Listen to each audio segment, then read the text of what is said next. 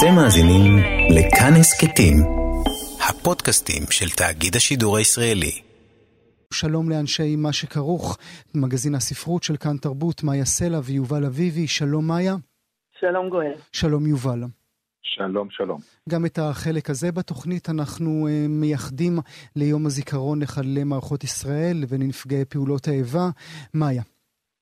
תשמע, בתקופה האחרונה פועלת בפייסבוק קבוצה, כמה קבוצות, אבל יש קבוצה בשם סיפורים מלבנון, מה שקרה במוצבים, וקבוצה שהקים אייל שחר, שהוא יוצר ובמאי, לשעבר מ"פ בהנדסה קרבית, שבעצם אנשים שם, אה, אנשים שלחמו בלבנון במשך 20 אה, שנה, אה, מספרים שם את הסיפורים שלהם, אני נכנסתי לקבוצה, זה דבר שלא ייאמן. פרופסור אורי שין כהן מהחוג לספרות באוניברסיטת תל אביב, מחבר הספר הנוסח הביטחוני, קרא בקבוצה הזאת, ובקבוצה דומה שעוסקת בחוויה, בחוויות של הלוחמים במלחמת יום כיפורים. והוא אומר שמדובר בעצם בגרסה עכשווית של שיח לוחמים, הספר המיתולוגי אה, שנכתב, אה, שיש בו עדויות של משתתפי מלחמת ששת הימים, אה, עמוס עוז ביניהם. אז שלום לפרופסור אורי שין כהן. שלום רב. מה קורה שם בקבוצות האלה שאתה שלחת אותי לראות, ובאמת זה חומרים מרתקים? תשמעי, קודם כל אני, אותי זה מעניין, אני באופן אישי, אבל אני חושב שמדובר בתופעה תרבותית שהיא רבת משמעות. מהבחינה הזאת שיש איזה, מס, יש מסורת בעצם תרבותית בישראל של סוג, שיח מן הסוג הזה אה, אחרי המלחמה, שזה, שזה הרבה, זה נע בניסיון לקבוע את המשמעות של המלחמה, לבין פורומים אה, שהם, איך לומר, בדרך זו או אחרת, אה, אה, קצת פוסט-טראומטיים, אבל מצד שני הם קצת תרפויטיים. וזה... זאת אומרת, אפשר לראות את זה אפילו, נגיד, זה משהו, יש מזה משהו, יש מזה משהו גם במשפט אייכמן, נניח. יש, אני אומר את זה מאוד לחיוב, יש בתר, בתרבות הישראלית איזו יכולת לעשות את הדבר הזה, אה, אה, שהיא, שהיא מאוד מעניינת והיא בעצם מאוד מעשירה, כי, כי אה, אה, ההתנהלות הרגילה שלנו מייחסת מעט מאוד חשיבות, אולי בצדק, אה, אה, למה שחושבים ומה שמרגישים האנשים אה, שעוברים את, ה, את, את התחינות האלה שלהם אנחנו כמדינה, אנחנו כחברה, אה, שולחים איתם. ואני חושב שיש חשיבות מרובה, מרובה, זה היה צריך להיות אה, חומר לימוד בבתי הספר, אנשים צריכים לקרוא את זה, צריכים לראות. אבל... צריכים, כן. אורי, האם יש משמעות לעובדה ששיח לוחמים, הספר המפורסם הזה אה, יצא מיד אחרי ששת הימים, ובאיזשהו אופן יום כיפור ולבנון, אה, עכשיו, לא שלא דיברו על זה עד עכשיו, אבל כאילו המסה הזאת מצטברת עכשיו, המון המון שנים אחרי. אולי אה... בגלל שששת הימים היה מין ניצחון, וזה, והמלחמות האלה, אנחנו רואים אותן אחרת?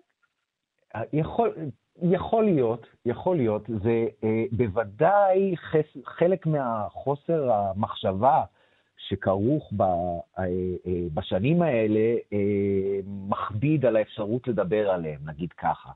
אבל אני חושב שאני, קשה, אני לא רוצה לזרוק סתם, אבל רואים בשיח לוחמים שמדובר באנשים שהם באים מהכשרה פוליטית, אידיאולוגית.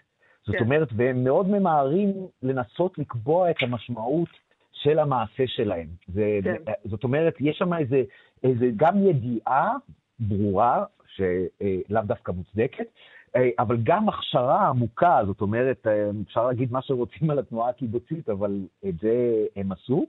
כולל איזו תודעה מאוד אליטיסטית שהיא נוכחת בכל עמוד בספר, זאת אומרת, אה, תודעה של אליטה משרתת, כן? שלא נטעה, אבל זה בוודאי תודעה מאוד אליטיסטית שהיא מאפשרת. ופה, מה שאנחנו רואים פה בקבוצות האלה, אה, זה לא במקרה, אני חושב שזה שתי קבוצות כאלה של מלחמת יום הכיפורים ותקופת אה, לבנון, נקרא לזה ככה, כי מדובר בשני מקרים שבהם התגלה, כמו שתמיד מתגלה, אולי כפי שמתגלה עכשיו, שהעם הוא באמת מצוין, והאנשים הם, הם, הם סוף למה שהם מוכנים לתת, והאופן שבו מנהלים אותם הוא על סף המחדל, אם לא הרבה מעבר לזה, אה, פעם ועוד פעם. זאת אומרת, החיילים באים ונתקלים בכישלונות, כישלון קולוסלי של המנהיגות ומצילים את, ה, את, את המצב.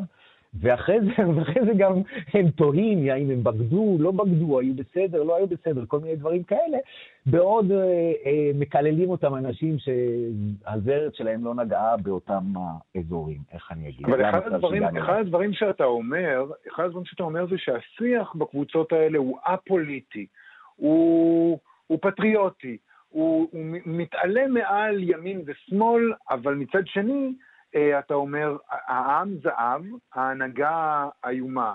אה, איך זה מסתדר? זאת אומרת, מדוע בעצם השיח שם הוא א-פוליטי? תראה, uh, אתה יודע, כמו, אני יודע, אני, לא יודע, שירתתי בספינות. אתה לא יכול לנהל, אתה לא יכול להיות, להכניס, אתה לא יכול להכניס את המשמעות של המעשה לתוך, ה, לתוך הספינה. וגם לא לתוך המוצב, וגם לא, אתה לא יכול, אי אפשר לחיות ככה, אי אפשר להילחם, זה לא, זה, זה, לא, זה לא אפשרי. זאת אומרת, כולם באיזשהו אופן, אני חושב, מוצדק לחלוטין, אומרים, רגע, המשמעות של הדבר היא לא נקבעת פה. זה הדבר, אנחנו עושים את שלנו. ויש מסורת ארוכה מימי הפלמ"ח אה, של האנשים שעושים בגופם לתעב את אלה שמדברים גבוהה גבוהה. זאת אומרת, זה שיח מאוד ענב, זה מדהים לקרוא את זה. זאת אומרת, זה ממש חושף את היוהרה של, ה, של הדברנות הפוליטית בחיי. זה די מדהים מבחינה ספרותית, זה דיבור מאוד מאוד ענב. והדיבור הזה הוא אפשרי שאתה אומר, אוקיי, המשמעות של המעשים כרגע זה תורי, אחרים עשו לפניי, וגם הם לא ידעו מה המשמעות הסופית, הפוליטית של מעשיהם.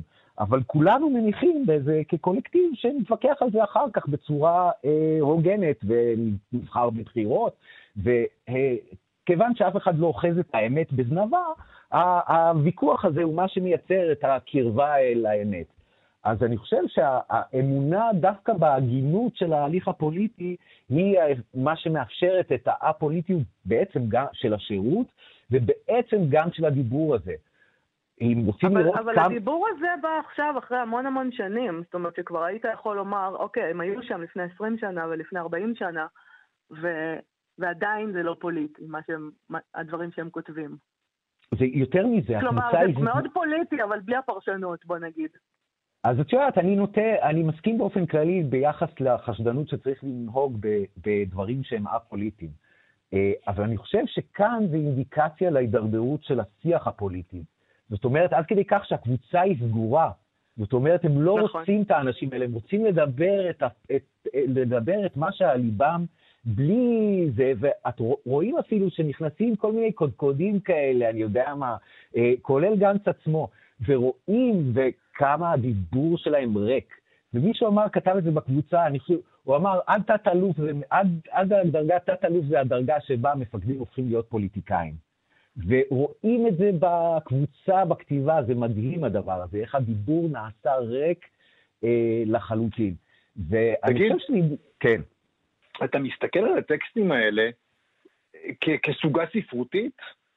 הרי אנחנו מדברים פה על עדויות, אנחנו, אני, אני, אני קורא שם ואני רואה אנשים, אה, אני חושב שזה היה חיים הר זהב שכתב על זה פוסט בפייסבוק, חיים הר זהב שכתב עכשיו ספר. בדיוק על אותה תקופה, הוא אמר, זה פרפורמנס של טראומה, של פוסט-טראומה. אנשים שם שופכים את דם ליבם על המקלדת, אנחנו פתאום באים לזה עכשיו, מדברים על זה אה, בתוכנית ספרות, ואומרים, תראו, זה טקסט ספרותי, זה, זה אפשר לפרש, מה זה מעיד תרבותית, זה טקסט ספרותי הדבר הזה? אתה יודע, אני לא, אני, מה אני אגיד לך?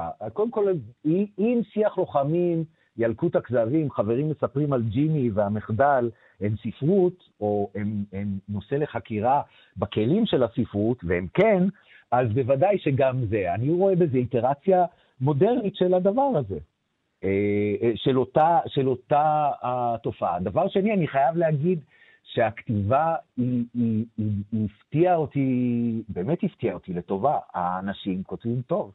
זה לא רק אנשים שהם, אה, אה, זה לא רק אנשים זעם, זה אנשים שאשכרה, לא יודע, התחנכו באיזה מערכת חינוך שהם יודעים, אה, באמת, כותבים, כותבים יפה. האם עכשיו זו, השאלה כמה זה יפה, השאלה כמה זה יפה היא אולי לא רלוונטית, אבל הטקסטים הם, הם רלוונטיים אלינו, ואתה יודע, הם רלוונטיים לזמננו. אני חושב שבהחלט הם בתחום של מה שראוי לעסוק בו. נקרא לזה ככה, וראוי לעסוק בו כי אלה דברים בעלי משמעות אה, אה, תרבותית עמוקה. משהו כזה. נאמר לך, נאמר לך תודה על הדברים האלה, אורי שין כהן, תודה רבה לך שהיית איתנו היום. תודה לכם.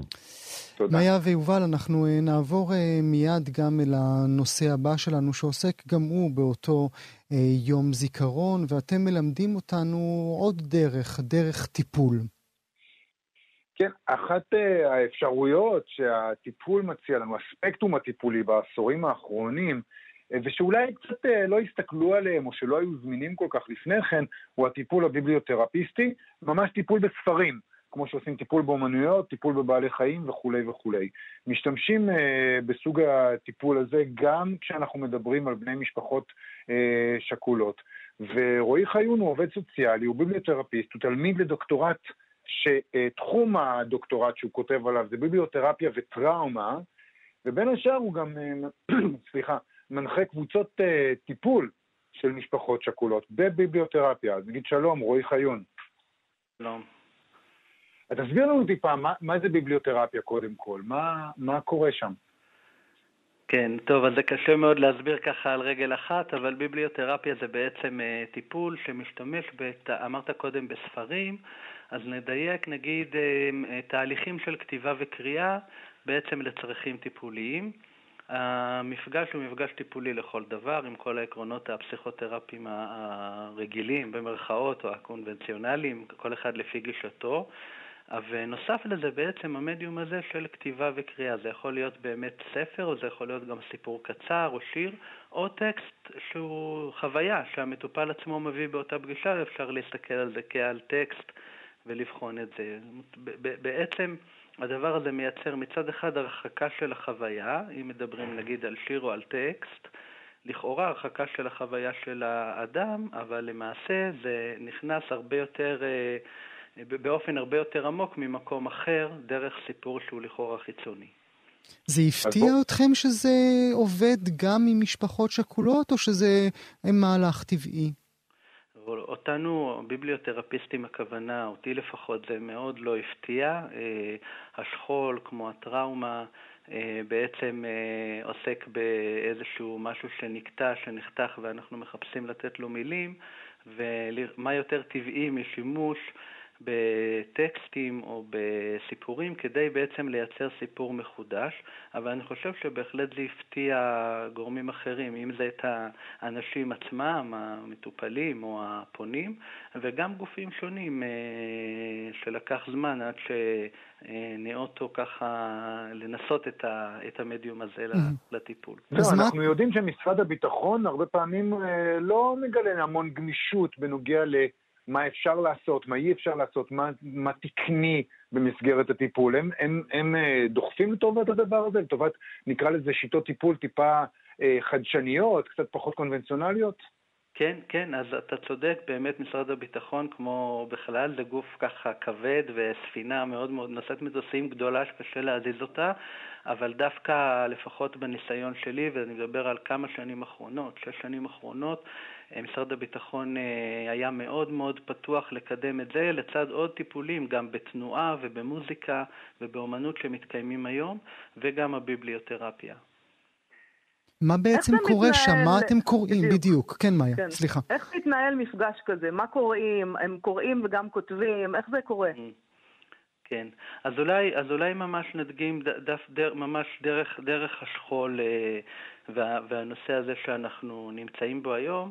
אני אתן הקדמה ממש של 20 אה, שניות, שנגיד אה, אם אנחנו מסתכלים על אבל, אז באמת בשנים קודמות בעבר היה נהוג, התפיסה הרווחת אה, שהתבססה בעיקר על פרויד, דיברה על אבל כאיזשהו תהליך ליניארי שיש לו שלבים, הכחשה, כעס, אשמה ועוד. שצריך לעבור אותם, ולוקח לעבור אותם בין שנה לחמש שנים, ומי שלא עובר אותם, אז הוא צריך טיפול וזה משהו פתולוגי וכולי. Uh, היום אנחנו יודעים הרבה יותר, אגב גם פרויד כבר בערוב ימיו, גם הוא, הוא איבד את ביתו, והוא במכתב, דרך מכתבים שלו אפשר לראות שגם הוא למד שזה לא מדויק. השלבים שהוא ציין, או השלבים שנהוג לחשוב עליהם, הם שלבים שבאמת מתקיימים, אבל העניין הוא לא ליניארי, אלא יותר מעגלי. זאת אומרת, האדם שאיבד משהו, אגב, זה יכול להיות בן אדם, זה יכול להיות גם איבר בגוף, או כל דבר אחר, הוא מצוי באיזשהו תהליך אבל מעגלי, והשלבים האלה יכולים לחזור על עצמם במהלך החיים וגם להיחוות חיים גם אחרי 20 או 30 שנה כמו ברגע הראשון. וזה לא איזה שלבים שמסתיימים. Yeah. כן. עכשיו אם ניקח את זה לביבליותרפיה, בעצם אה, הביבליותרפיה מאפשרת אה, לפתוח מחדש את הסיפור אה, ולתת לו נקודות זווית חדשות, להרחיב אותו, לשנות תמות או לפתח תמות. לדוגמה, באיזושהי סדנה שעשיתי לאחים שכולים, היה, הייתה סיטואציה נורא מרגשת, עכשיו זה נשמע פשטני, אבל לצורך ההדגמה אין ברירה, ברור שזה לא איזה קסם וזה לא... אבל uh, קראנו שירי ילדות, נתתי להם איזשהו מקבץ שאני אספתי של שירי ילדות שחלקם מכירים, כמו ימי בנימינה או אימפריות נופלות, מי שמכיר, וגם כן. שירים אחרים, ילד מזלג ילדה כף, והם צריכים לבחור איזשהו טקסט uh, שבעיניהם מייצג את הילד שהם היו ואת הילד שהאח או האחות, מי שהם איבדו, היה. אז פתאום להסתכל על... ה... עכשיו, הם אחים שכולים שחלקם 20-30 שנה בתוך השכול, והסיפורים הופכים להיות נורא מקובעים. איזשהו סיפור התקבע, וזה הסיפור שמסופר ושאותו רואים. ופתאום דרך הטקסטים האלה עלו דברים חדשים. השיחה של הקבוצה דיברה על כל המקומות המעצבנים שהאחים שלהם היו. כמו ש... איזה, איזה, איזה, סליחה על ה... כן, מישהו אמר, איזה חרא של בן אדם אולי הוא היה יכול להיות, אבל האפשרות אה, לבוא ולשנות את נקודת הזווית, לשנות, להסתכל בעצם, ובהמשך להתאבל על האחאות שהיא זו שאיבדנו. מעבר לאדם עצמו שעבד, האח, איבדנו את האחאות איתו, איבדנו את האפשרות שהוא יעזור לנו להתאבל על הורינו ש...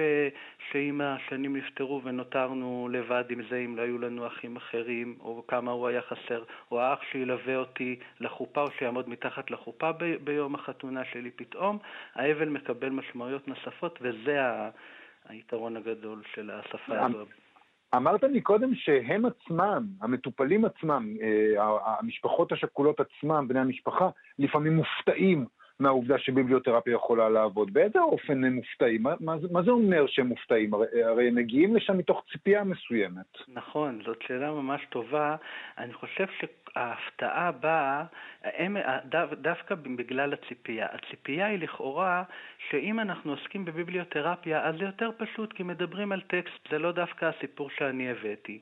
כשאני מדבר על טקסט אני יכול לבחור מה להגיד לגביו, אז אני שומע ואני בוחר איפה אני מתחבר לזה, אז כאילו זה נחווה מוגן יותר.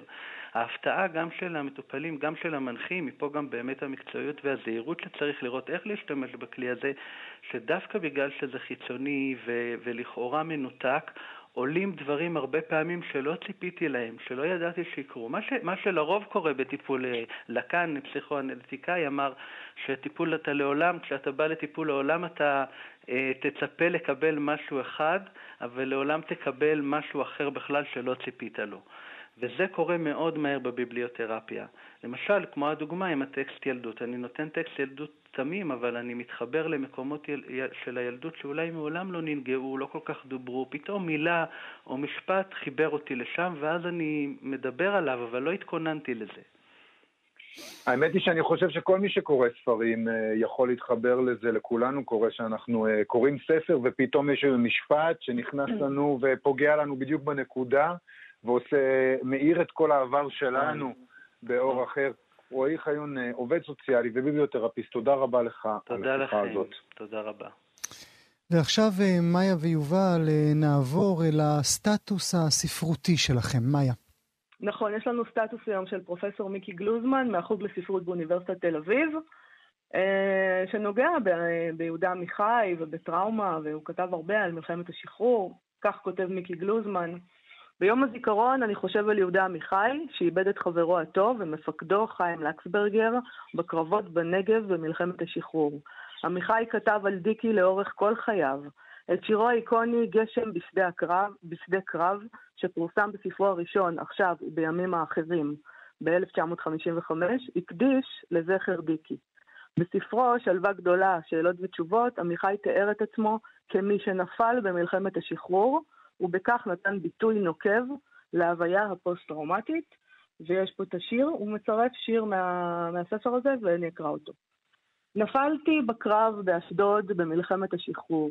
אמי אמרה אז, הוא בן 24, ועכשיו היא אומרת, הוא בן 54. הוא מדליקה נר זיכרון, כמו נרות של יום הולדת. נרות על עוגה לנשיפה וחיבוי. ומאז אבי מת מרוב כאב וצער, ומאז אחיותיי התחתנו, וקראו לילדים בשמי. ומאז ביתי הוא קברי, וקברי ביתי. כי נפלתי בחולות החיוורים של אשדוד.